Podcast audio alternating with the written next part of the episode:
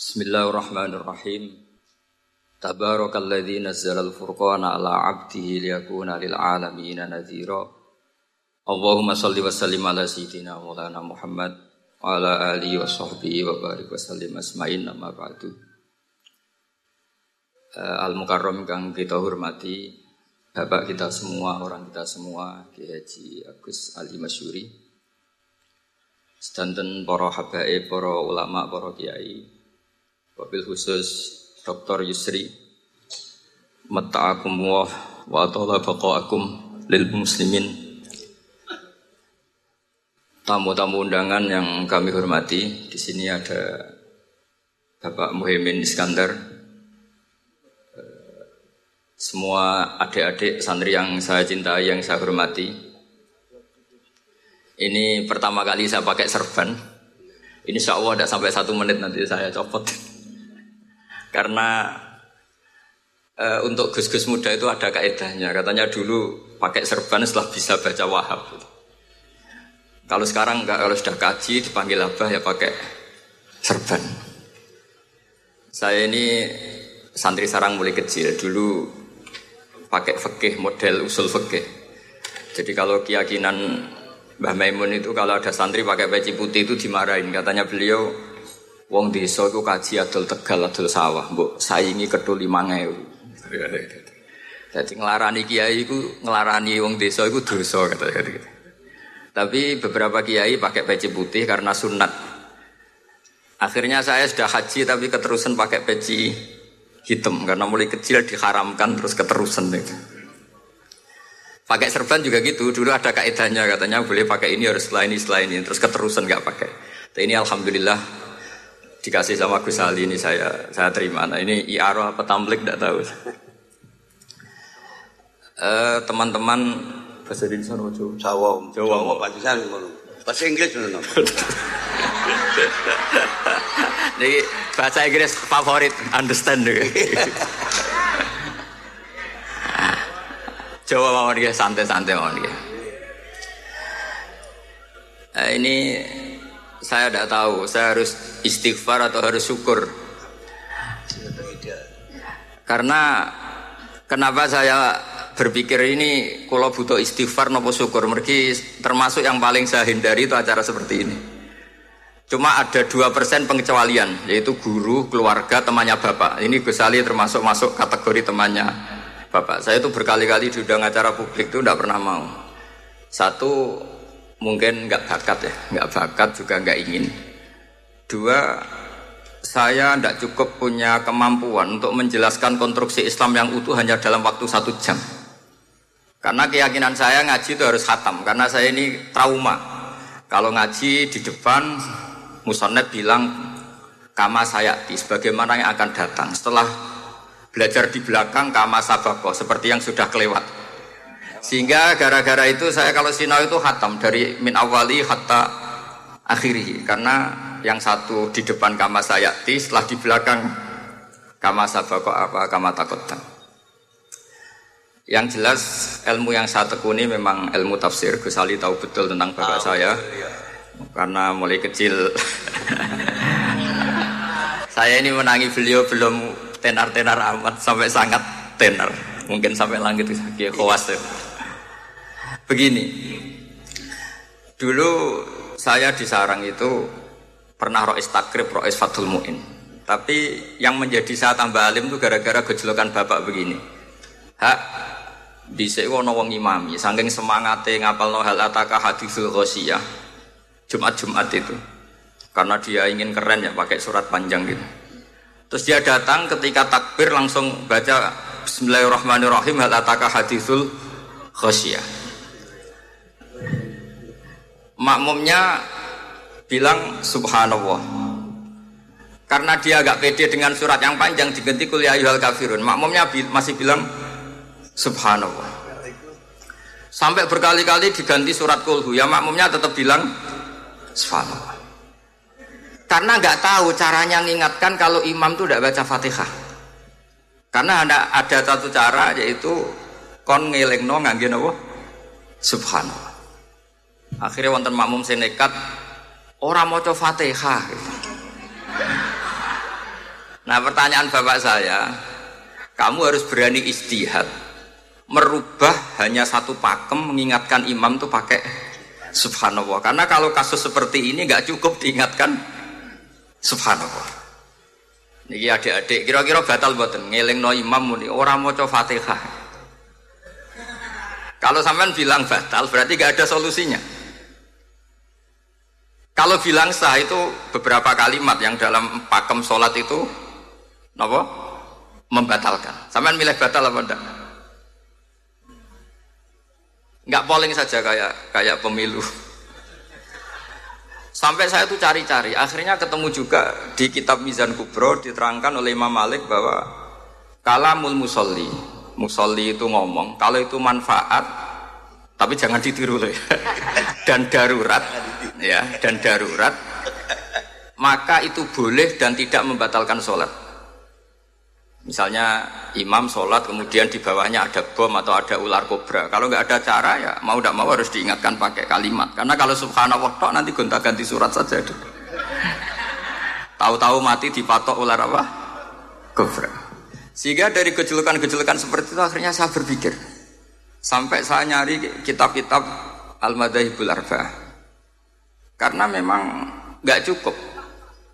Terus pertanyaan kedua kata bapak saya, tentang tradisi misalnya orang-orang kampung kalau bikin batu bata itu dari tanah kemudian kadang makjunun bisirjin. Kadang dicampur dengan apa? Sirjin. Nggak usah diterjemah ini sambil latihan bahasa Arab katanya.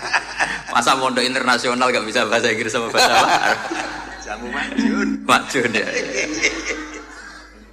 Ternyata madhab safi ianya membolehkan atau nganggap alat tohara itu dua alma wa turab tapi ternyata dalam madhab Hanafi termasuk alatut tadhir atau alatut tohar itu anar, yaitu api.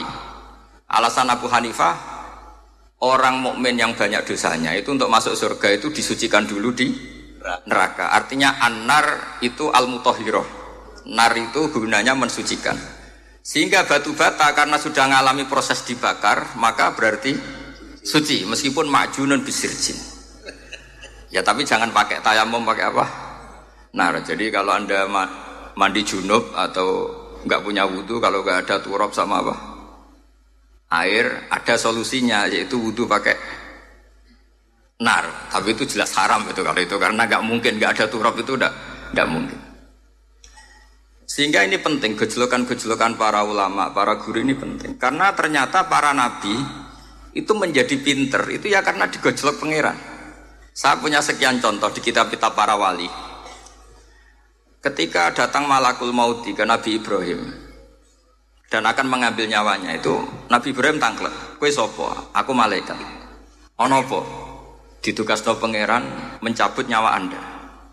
Kata Nabi Ibrahim, apa kamu tahu saya ini siapa? Ya tahu, anda Khalilur Rahman, kamu kekasih Allah. Terus kata Nabi Ibrahim, Hal ra'aita habiban yumi itu habibah. Masa ada kekasih membunuh yang di kasih. Pasti Anda salah. Ya karena malaikat nggak pernah ngaji di sini di progresif ini. Dia tidak bisa jawab. Akhirnya niki kalau pamit niki kalau sembuh niki cekap. Niki cekap. Bingung, betul kulino nih bingung nih.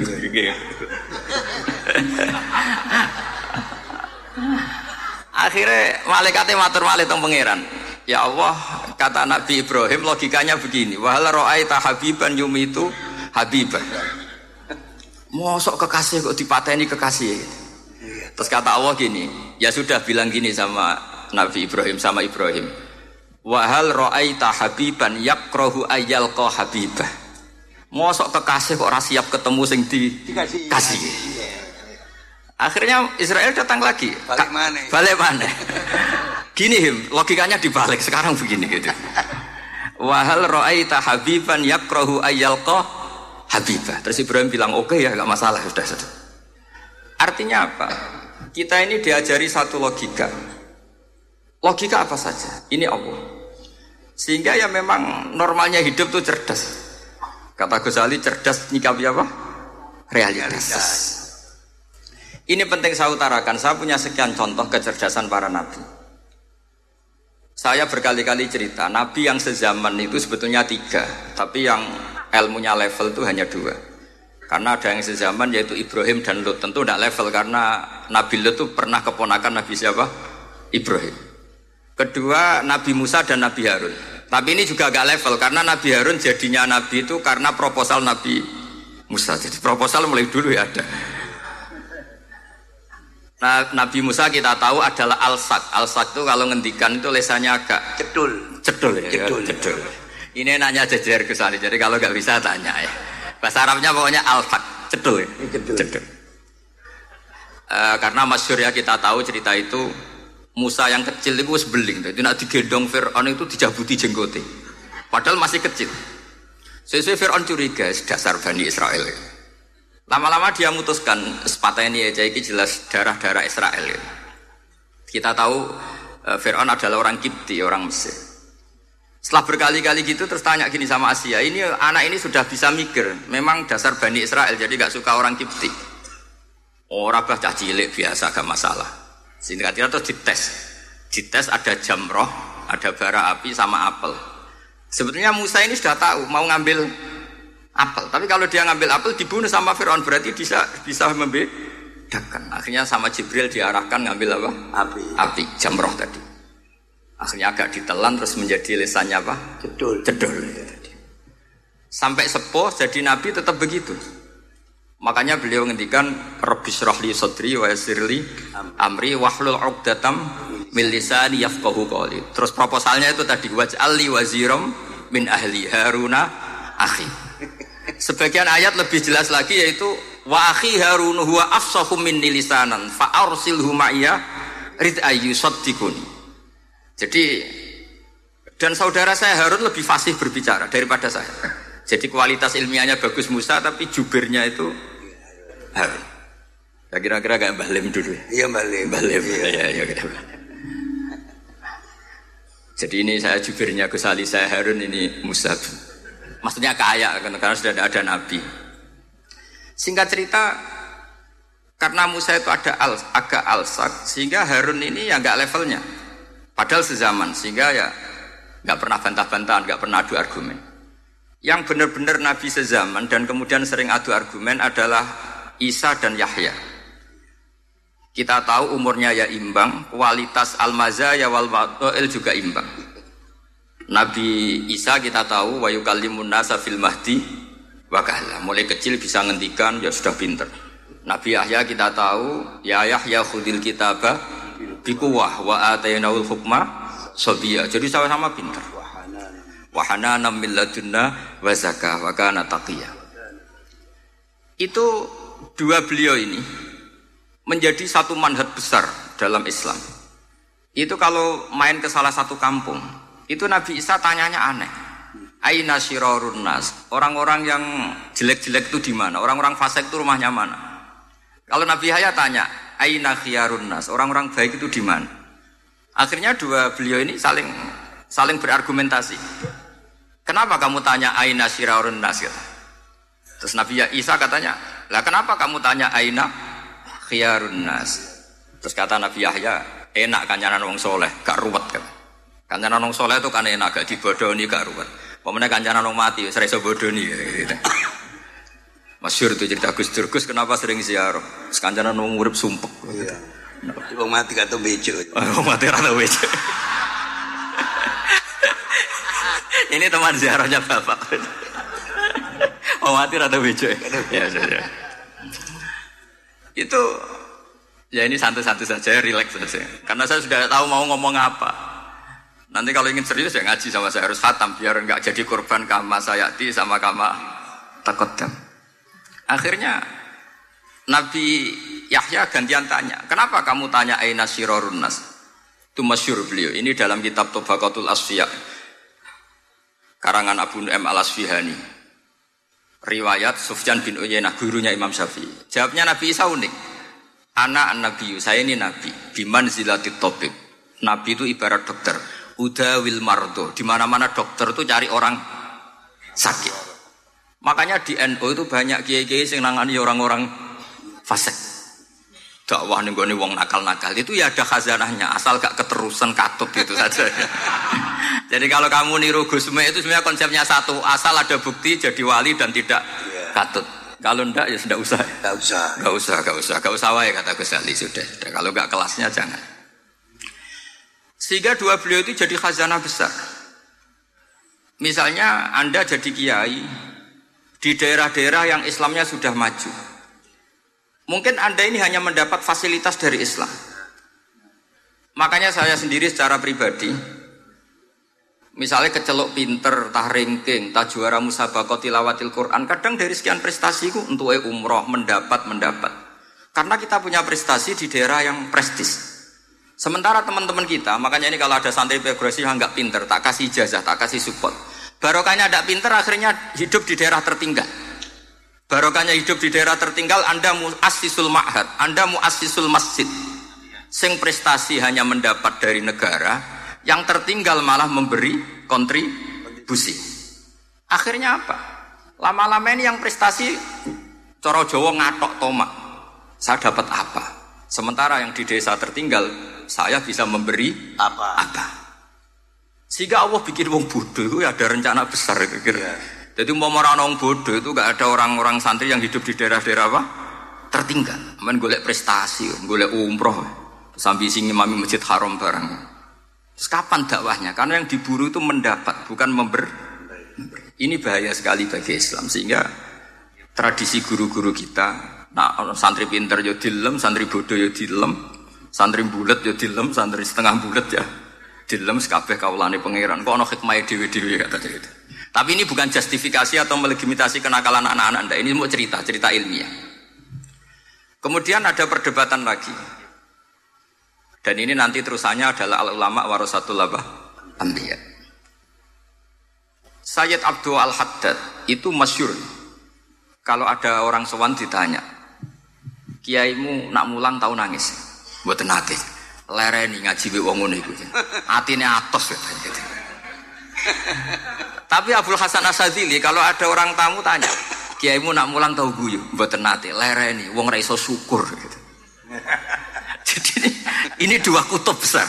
Siapa yang nggak tahu kewalian Abdul Hasan Asyadili? Siapa yang nggak tahu kewalian Sayyid Abdul Al-Haddad? Nah ini kalau Gus Ali sudah dua-duanya guyu ya sering, nangis ya sering sudah ini sudah makomen ini sudah sudah sudah majmaul bahrain kalau dalam ilmu tasawuf. Dan itu mirip perdebatan Nabi Yahya dan Nabi Isa. Nabi Yahya itu happy, hidupnya happy. Kayak bapak saya itu hidupnya happy. Zaman miskin saja gak pernah susah Gus. Enggak pernah susah. ya. Bapak saya itu khasnya gak pernah susah. Mau meninggal saja masih guyon sama saya. Mau kapundut tuh seguyon kalian. Ya seneng, ya happy saja. Jadi mirip cerita Jalaluddin Ar-Rumi. Beliau mau kapundut, muridnya nangis semua marah-marah dia. Kamu murid-murid yang bodoh. Saya ini mau ketemu kasih kamu tangisi. Ayo joget semua. Makanya kalau ada orang mati kok ceria itu karena madhab Jalaluddin apa? Arumi. Arumi. Masyur itu. Ini malam pengantin saya, kenapa kamu nangis? Makanya jadi mitos kalau mimpi jadi manten tuh mau mati. Karena kalau Jalaluddin Rumi istilahkan kematian itu adalah pengantin. Umar bin Abdul Aziz salah satu khomisul khulafa masyur itu. Ketika mau kapundut orang nangis semua juga dia marah. Memangnya saya mau ke mana, ke mana kok kamu tangisi? Ila khairi madhubin ilah, ila khairi rohimin, ila arhamir rohimin. Timbang kumpul kon sumpek. Atau mati katanya. Memangnya saya mau ke mana? Ila khairi madhubin ilah, kedat yang terbaik yang kita tuju. Ini mirip Nabi Yahya. Sehingga Nabi Isa ngejlek, mali aroka, Mali aroka dohikan ka anak kata manumi makrillah. Kamu kok sering senyum, sering guyu ngakak-ngakak. Seakan kamu, kan kamu tidak pernah akan kena siksa. Nabi Yahya gantian bales. Mali aroka abisan ka anak kata kena tumir rahmatillah. Lah kamu merengut terus kau orang rahmati pangeran saja. Ini terjadi madhab antara Abdul Hasan Asyadili dan Sayyid Abdullah Al-Haddad. Sayyid Abdul Al-Haddad juga diikuti banyak kiai. Itu kalau habis sholat tuh masih susah, diterima enggak, sholat kita makbulah apa enggak, puasa kita makbul apa enggak, sujud kita makbul apa enggak. Tapi kalau Abdul Hasan Asadili, kalau ada orang tanya gitu dimarahin. Sujud kulo ditampi boten ya Said Abdul Hasan Asadili. Gak usah mikir ngono, ditedir sujud wis luar biasa. Orang geruang ditedir sujud, gak usah mikir ditompo ta. Loh iya ketika kita nanti ketemu Allah, prestasi betul gak pernah sujud itu. Sebagai hamba kita bangga pernah sujud itu gak penting ditompo ta ora. Bahkan kalau anak-anak muda ini kepengen ditompo niat elek. Ditompo digajar pangeran terus busu warga terus sama bidadari gitu. Jadi muni ditompo tapi pikirannya sudah ngayal macam macam-macam. Kalau madzhab Abdul Hasan Asadili tidak. Sehingga kitab hikam kita tahu kitab hikam itu adalah dikarang Ibnu Athaillah Asakandari, dia muridnya Abdul Abbas Al-Mursi dan ini terus muridnya Abdul Hasan apa? Asyadili. Itu cerminan Sadiliyah murni. Ya saya ulang lagi itu cerminan Sadiliyah apa? Murni. Sehingga beliau ngendikan Mesir itu, qalilul amali ma'a syuhudil minnah minallah khairun min kasiril amali ma'a ru'yatit taqsir. Jadi amal sedikit tapi yakin itu anugerah Allah lebih baik beramal banyak tapi masih merasa salah karena ronok syukuri. Makanya bapak saya Gus Ali ana wong abangan gelem salat, gak tahu gak disahno sah terus. Ketika ada orang fakir marah-marah, tapi rubah gedang, wes rubah gedang lah, pokoknya sah terus. Pokoknya sah terus. Pokoknya sah terus. Ini sangat-sangat sadili berarti. Ini penting saya utarakan supaya khazanah kita itu tidak pernah habis. Karena al ulama warasatul ambiya. Nabi tidak ada warosati, tapi warosatul ambiya. Sehingga semua watak para nabi sebelum Rasulullah Shallallahu Alaihi Wasallam itu semua tercermin pada umatnya Rasulullah Shallallahu Alaihi Wasallam. Cerita paling terkenal tentu Asro Badrin. Tawanan-tawanan perang Badarin mau diapakan? Rasulullah istasyara Abu Bakrin. Terus kata Abu Bakar, itu keluargamu ya Rasulullah. Hum ashiratuka, hum akoribuka. Ya maafkan saja. Terus ditanya Umar, menurut kamu gimana Umar? Itu kan orang-orang yang ngusir engkau ya Rasulullah. Yang dulu ingin membunuh engkau, sekarang ketangkap ya bunuh kok repot. Apa kata Rasulullah? Masaluka ya Abu Bakrin kama sali Ibrahim isqala faman tabi'ani fa innahu minni wa man asani fa innaka ghafurur rahim. Sing prestasi ya alhamdulillah, sing ra prestasi semoga-moga pangeran akeh sepurane. Sudah gitu iya aja cara Gus Ali ya sih ngono kok repot. Wa masaluka ya Umar kama salin nuh isqala rabbi la tadzar alal ardi minal kafirina dayara sudah habisi saja ning donya kafir. Tapi anehnya apa? Rasulullah akhudha bimadhabi Abi Bakar. Nabi mengambil pendapatnya siapa? Abu Bakar. Karena Nabi kena khitab anit tabi millata Ibrahim apa? Hanif. Akhirnya terus keterusan. Akeh kia NU nak umat salah di Barno nganti raroh nak salah. Makanya kenangan saya sama Mbak Sal Mahfud karena beliau itu sepupu sama Mbak saya di Sahel itu. Kata Mbak Sal gini, hak umpama pantas kata beliau ini, umpama pantas pondok-pondok itu tak sertifikat. Kenapa, Bah? Ya ya akeh kiai gondrong muridnya kalau gondrong kabeh terus kadang rapati sholat jari diulang kali jogo. Engkau neng kali-kali gue Nabi Khidir gak tahu ngaji. Lah ngono iku nak ditakoki afiliasine kok NO gitu. Mau beli mau disertifikat, jadi distandarkan. Pokoknya nggak gak ono takribe ya ora NO gitu. Karena nanti kalau nggak disertifikat ini terus khayal-khayal macam-macam ini rata-rata kan afiliasinya juga ngeklaim NO. Padahal ya itu tadi. Jadi diulang kali Joko langsung diulang macam-macam. Ini penting saya utarakan karena standarisasi ini penting. Caranya gimana? Kita harus sebanyak mungkin baca khazanah Islam. Makanya Imam Ghazali kayak apa pinternya Imam Ghazali? Beliau di akhir kitab yang ngendikan wa alaika mati mutolaati kitab khilyatil aulia wa tabaqatil apa? asfiya. Sehingga kita akan punya khazanah yang luar biasa. Saya punya banyak tentang kearifan ya para ulama-ulama dulu. Di antaranya dulu saya sering diceritain bapak tapi gak paham. Tapi setelah saya ngaji lama-lama paham. Beliau pernah didawi batu lagi nih. Nur di wono wong sholat rong rokaat. Terus syukur akhirnya sholat lagi sampai empat rokaat. Sangking syukurnya sholat lagi sampai enam rokaat. Seterusnya sampai seribu sholat. Kita tahu itu Said Ali Zainal Abidin. Jadi dia menambahkan sholat itu karena iskon lillah, wa syauqon lillah, mahabbatan lillah. Bukan kayak kita, karena ingin sholat seribu rakaat, dibagi sekian menit, terus kenanya dua jam. Jadi kayak kita terawih lah, 20 menit, 20 rakaat dibagi sekian, kenanya 7 menit. Pentingnya apa? Meskipun kita tidak akan mengalami seperti itu, tapi kita menjadi tahu ketika Rasulullah SAW menghentikan wakur roto aini fis Bahkan Nabi kalau banyak masalah, itu Nabi ya tarodat, mutarodidan di dalamnya. Setelah mutarodidan agak panik, Nabi tanya gini sama Aisyah, Aina Bilal, Aina Bilal. Bilal ke mana, Bilal ke mana. Setelah Bilal notok, tok tok tok, tok. ya Rasulullah as-sholat. Arifna ya Bilal, arifna ya Bilal. Saya kasih istirahat ya Bilal, saya kasih istirahat.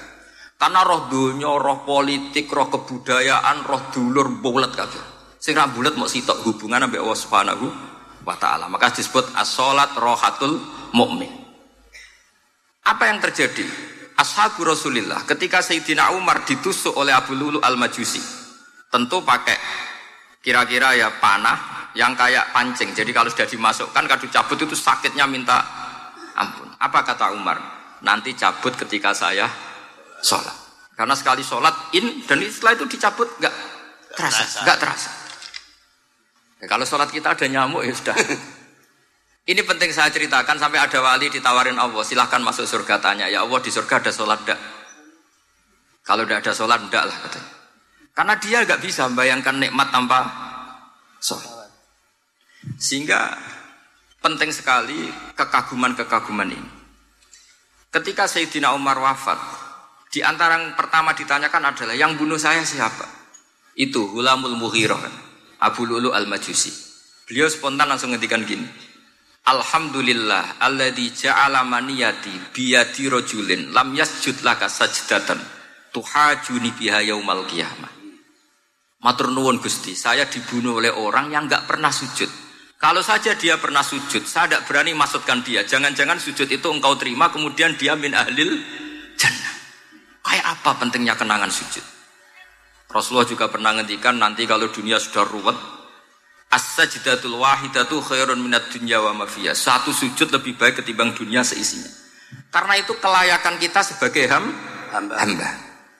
Makanya Abu Hasan Asadili ngendikan sudahlah kafal amilina jazaan an kalaka ahlan sudah ditekdir ngamal sudah harus syukur. Kok mikir ditompo tawar usah gak penting. Itu madzhab Abu Hasan apa? Asyadi. Dan itu ditiru para kiai-kiai kita. Madhab Said Abdul Haddad juga ditiru kiai-kiai kita. Sehingga sodako Rasulullah ketika ngendikan al ulama warasatul anbiya. Ini penting saya utarakan karena khazanah kita biar tetap kaya. Makanya masyur dalam Manakibul Ghazali kita tahu Imam Ghazali itu orang yang luar biasa, pengarang Ikhya. Saya punya banyak karangan beliau Al Arba'in Al Usul. Tapi yang paling saya cintai tentu Ikhya, kitab Mustasfa, kitab Qawaid Fikih itu Usulul Fikih. Memana Kibil Ghazali adalah Rasulullah pernah jajar Nabi Musa. Terus Rasulullah ngendikan ulama umati keambia ibani Israel. Terus kata Nabi Musa, yang benar saja, masa ulama kok kapasitasnya kayak Nabi apa pun hebatnya itu nggak mungkin lah kapasitasnya kayak Nabi. Terus kata Rasulullah, ya sudah buktikan saja. Terus dipanggillah Imam Ghazali. Ketika dipanggil, ini katanya Ghazali katanya. Ditanya sama Nabi Musa, Siapa namamu? Ana Muhammad bin Muhammad bin Muhammad Al-Ghazali At-Tusi Asy-Syafi'i. Mau jawabnya panjang. Terus kata Nabi Musa, kecangkeman itu, cara Jawa itu kecangkeman ditakoki jeneng kok jawabnya kakean. Terus kata anak Imam Ghazali, ya lumayan saya. Jenengan ditanya Allah sing ya alamus sirra wa akhfa saja jawabnya kelebihan gitu. Apa itu kata Nabi Musa? Wa ma tilka biyaminika ya Musa. Qala ya asoya atawakkau 'alaiha wa ahusyu ala ghanami wa liya fiha ma'aribu ukhra. Jadi Nabi Musa ditanya, "Sing mbok gawa iku apa? Ini tongkat saya, tak pakai ini, tak pakai ini, tak pakai ini." Jadi masih banyak kelebihan jenengan di yeah. saya. Akhirnya faqarra Nabi Musa, Nabi Musa ini ikrar bahwa benar-benar ulama uros, Rasulillah itu keambiya ibani apa? Israel. Jadi khazanah-khazanah kecerdasan gini ini penting. Sehingga ketika ada kemacetan fikih, ada kejumudan fikih, tugas kita adalah memecahkan kejumudan itu. Misalnya begini, ini yang sering dilakukan Bapak saya dan Gus Ali. Kancanan wong fasik hukum piye? Ya ora oleh, wong kok kancanan wong fasik. Tapi kalau dibalik, bina wong fasik boleh ndak? Boleh. Syaratnya bina kudu ngancani. Jadi dibelokkan gitu aja sudah sudah rubah. Hada huwal fikhu. Yang dikatakan fikih ya seperti ini. Tapi orang-orang yang nggak ngerti detailnya fikih, apalagi usul fikih, fikih itu menjadi rumit. Makanya ahli sunnah itu luar biasa. Ada orang mati karena narkoba atau karena apa itu oplosan. Oplosan. Itu kiai cokre cokre. Itu kiai kiai alim biasa datang. Itu ya biasa mempersaksikan Nggih, mayite saya. Nggih. Nggih. Padahal orang itu nggak percaya ini orang mati cokre kok apa? Saya. Padahal dia di kiainya bilang gini, wes saya, saya itu nakal katanya. Maksudnya saya sudah mengakhiri semua kenakalannya lewat apa? Lewat kematian tadi. Karena itu doa Rasulullah. Rasulullah itu kalau ngedikan itu luar biasa. Allah maj'alil hayata ziyadatan li fi kulli khairin wal mauta rohatan li min kulli syarrin. Ya Allah jadikan hidup ini ziyadatan li fi kulli khairin. Jadi anggap saja kalau hidup itu berarti potensi tambah baik. Anggap saja kalau mati itu akhir dari segala keburukan. Berarti orang cukri ini mati itu baik apa buruk? Baik, karena dia sudah tidak bisa buruk lagi. Makanya saya ge, saya. Nah ini khazanah yang luar biasa. Karena tadi kematian adalah arrohah mingkuli apa? Syari. Nah ini sesi kedua mungkin ini tinggal seperempat jam atau setengah jam. Saya ini karena biasa ngomong lama. Saya mau menerangkan kalimat tauhid. Ini penting sekali. Kalimat tauhid itu kata Ibnu Qayyim Al-Jauziyah dalam kitab Zaidul Ma'ad. Ini kitab kesayangan Sayyid Abdul Al-Haddad. Sampai beliau ngendikan ya letani minha iddatanu nusakhin li uhdiyaha ilatullah. Semoga saya punya naskah banyak yang mau saya hadiahkan ke santri-santri. Saking pentingnya kitab apa Zaidul Qayyim. Itu beliau men mengartikan la ilaha itu luar biasa. Kalimat ini adalah kalimat super. Allah bikin surga juga demi kalimat ini. Siapa yang menerima kalimat ini maka masuk surga. Yang menolak kalimat ini maka dimasukkan neraka. Kita tahu neraka itu kalau ada batu dicemplung no, itu sampai ke bawah itu nunggu 70 tahun. Kayak apa kedalamannya? Bego siapa saja tidak akan bisa itu bikin apa? Neraka. Karena kalau batu dijatuhkan nunggu 70 tahun itu sampai kok riha. Itu dibikin juga untuk orang yang menolak la ilaha illallah. Kemudian karena manusia butuh latihan, dibikinlah langit dan bumi supaya didiami manusia untuk menerima konsep la ilaha illallah. Karena manusia butuh pelatih, diutuslah para rasul untuk melatih la ilaha dan kalimat ini kan ada orang kafir 70 tahun, kemudian dia melafatkan la ilaha illallah Muhammad Rasulullah, maka semua kekafirannya dihilang dia.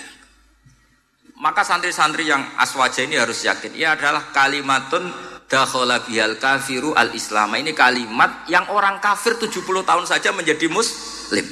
Tapi sekarang banyak gerakan dengan kalimat yang sama malah orang Islam menjadi kafir. Itu kira-kira kelompok aneh nopo betul hanya karena la ilaha banyak kelipatok dihukumi kafir.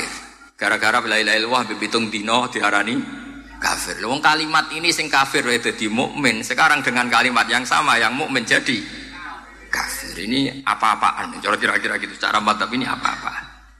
Ini penting saya utarakan. Jadi kepastian tauhid. Ngendikane pangeran kulil ladzina kafaru iyan tahu yufar lahum maqad Makanya Abu Hasan Asadili ketika nafsirkan fa'lam annahu la ilaha illallah wastaghfir li dzambika walil mu'minina wal mu itu ai bihadhil kalimah kata beliau. Kamu harus camkan bahwa la ilaha illallah. Dan setelah itu kamu baru sah istighfar untuk kamu sendiri maupun untuk orang mukmin siapa pun, mukmin mukminah. Kita tahu andekan kita punya keluarga kafirah atau murtadah sah nggak diistighfari? Tidak sah. Tapi sefasek apa pun asal dia min ahli tauhid maka sah diistighfari karena fa'lam annahu la ilaha illallah wastaghfir lidzambika walil mu'minin. Jadi sahnya mengistighfarkan orang lain hanya dengan satu syarat yaitu dia min ahli la ilaha illallah Muhammadur Rasul. Sehingga dalam cerita-cerita kewalian, dan ini saya percaya cerita ini karena saya pernah menemukan di Musnad Ahmad, saya menemukan di Ithaf syaratnya Ikhya, juga di kitabnya Said Muhammad Abu Abdul Farad itu. Dulu itu ada wali yang tukang bikin Istanbul itu. Pernah dengar tuh Istanbul itu yang Quran kecil itu. Kalau sekarang kan dibikin masif, mau lima ngewunan. Yeah. Kalau dulu masih asli. Itu Kiai Sarbini itu kayak Mbak Khalil Bangkalan. Jadi karena dia orang penting itu, nak diundang orang itu, ya engkau nak ditakoi pangeran meni rombongan. Jadi kayak Mbak Khalil juga Mesir gitu. Terus ditinggal lagi. Enggak takoi pangeran meni ngenteni Mbak Khalil, ngenteni rombongan. Ya sudah gitu dok. Tapi karena beliau terkenal wali ya. Singkat cerita kalau Soibul Bed ini nggak terima karena pas tujuh hari sampai di sebelah sapi apa apa ternyata dia tahlilnya sebentar. Terus kata beliau, Ya sudah semua makanan itu ditimbang pakai pohon kelapa. yang satu kosongin katanya. Kifatul mizan yang satu atau kafatail mizan yang satu dikosongin. Beliau datang yang bikin Istanbul tadi. Bilang bis itu sudah jumpat kata. Sudah tinggi bismillahnya. Kata beliau, bismillah aku genep ae wis ngalahno pakananmu, apalagi genep kata. Ini penting saya utarakan nanti di cerita yang di kitab Musnad Ahmad. Ini perlu dicamkan. Saya hafalkan hadis itu. Inna wa ta'ala istakhlasa rajulan min ummati ala ru'usil khalaik. Setelah dipertontonkan, fayan suruh alaihi tis'an wa tis'ina sijillan. Kullu sijillin minha maddul basar. Jadi ketika dipertontonkan itu ada satu bok, yang satu boknya itu sudah sepanjang mata meli, melihat. Sudah satu boknya saja itu mislumat dil basar, sepandang mata melihat. Apalagi di 90 Sembilan. Terus Allah itu fair. Allah tanya, afalaka uzurun, apa kamu melakukan kesalahan banyak ini punya alasan? Tidak katanya. Azolamat kata badi al hafidun. Apa memang malaikat itu sentimen sehingga salah kamu tok yang ditulis kalau kamu nggak salah nggak ditulis? Tidak, tidak ya Allah. Terus kata Allah, bala innalaka inti hasanah. Kamu masih punya satu kebaikan. Ketika Allah bilang kamu punya satu kebaikan, apa kata lelaki tadi? Nah, gunanya apa ya Allah satu kebaikan dibanding kesalahan yang sebanyak itu? Akhirnya kesalahan yang sebanyak itu ditimbang, si timbang satunya itu hanya la ilaha illallah Muhammadur Rasulullah. Fato syat sijilat. Semua catatan salah tadi kalah. Kenapa? Fala yaskulu ma'asmillahi ta'ala se'un. Karena di dunia maupun akhirat tidak ada yang bisa mengalahkan kalimah toy, toy. Tapi sekarang kalimah toibah itu jadi tersangka. Nah ini makanya saya mohon santri-santri hujiyatu ahli sunnah wal jamaah ini harus roh, harus sabitah, harus benar-benar berargumentatif. Sehingga kita tahu setahu-tahunya bahwa kalimat ini adalah kalimat yang orang kafir saja menjadi muslim. Masa dengan kalimat yang sama orang mukmin menjadi kafir. kafir. Ini penting saya utarakan karena kita harus terus belajar. Caranya gimana? Ya di antaranya tadi belajar kitab Ihya, beberapa kitab. Sehingga khilaf-khilaf fikhiyah, meskipun kita tidak bidangnya misalnya, itu tetap punya kualitas yang luar biasa. Saya sampai sekarang menerima sorogan kitab Mahali. Itu di situ ada perdebatan unik. Boleh enggak misalnya jenazah itu diletakkan di belakangnya yang sholat? Kata kaul awal enggak boleh. Di mana-mana jenazah itu ya di depannya orang apa? Sholat. Tapi kata kaul sani, ya boleh saja wong jenazah itu tidak imam katanya. Iya. Sehingga pentingnya kaul sani adalah kalau anda di Arab Saudi itu jenazah-jenazah tetap di kamar mayat. Kemudian yang sholat ya di depan jenazah. Karena kalau dipaksakan di depan berarti jenazahnya di, di dekat apa? Ka'bah. Kayak apa kreditnya Mekah? Nah, meskipun kita tidak melakukan itu karena nanti dianggap aliran apa? Sesat ada jenazah kok di belakang kita sholat apa? Di depan. Tapi ini ilmu harus kita dengar. Iya. Begitu juga khilafnya kaul kodim dan kaul jadid. Menurut kaul jadid, yang namanya sujud itu harus tujuh anggota. Iya. Karena kata Rasulullah Shallallahu Alaihi Wasallam, umir tu an asjuda ala sabati azumin al jabah wal yaden warubaten wal kodamen berarti al jabah satu yaden dua kodamen apa kerubaten dua kodamen dua. Sehingga kalau kiai kiai fanatik fakih, nak anak anak sujud ngongkrong dipetel-petel dong mergo supaya tujuh apa? Anggota. Tapi kata Imam Syafi'i dalam kaul dalam kaul kodim kata beliau wayah tamilu mungkin saja sujud itu cukup pakai jabah karena dalam doa Nabi itu hanya saja dalaka wajhi wasam'i wa basori. Tidak ada nabi dongo sajadalaka wajhi wa yadi wa rukbati. Wa kodami jadi jadi kecerdasan ulama-ulama dulu itu luar biasa. Sehingga kalau kita baca baca pembanding-pembanding itu lama-lama kita menjadi cerdas. Ini yang terakhir saya cerita tentang Imam Ghazali. Dulu banyak orang yang bermadzhab pentingnya uzlah. Sehingga banyak ulama yang uslah, alasannya kumpul wong serepot tok. Paling gak ngerasani wong lah, minimal dosanya ngerasani wong. Singkat cerita banyak ulama yang uslah, kemudian umat ini dipimpin aliran-aliran sesat. Terus ulama yang uslah-uslah itu diparani sama ulama yang sudah jadi wali. Ya akalatal hasis karena dia di hutan sehingga makannya hanya rerumputan. Tarotum ummata Muhammadin sallallahu alaihi wasallam fi aidil mubtadi'ah. Betul uzlah itu baik, tapi membiarkan umatnya Nabi dipimpin orang-orang yang sesat. Makanya kita terima kasih sekali Gus Ali ada di antara kita, membimbing kita, membina kita. Jangan terus dunia wes rusak tinggal nawa tidak bisa. Ini umatur Rasulillah ummatun marhumah, ummatun mahfudah, ummatun mar'iyah. Insya Allah apa pun kondisinya kita tunggu nih, baik dalam skala negara, masyarakat maupun kultural. Saya kira demikian. Wassalamualaikum warahmatullahi wabarakatuh.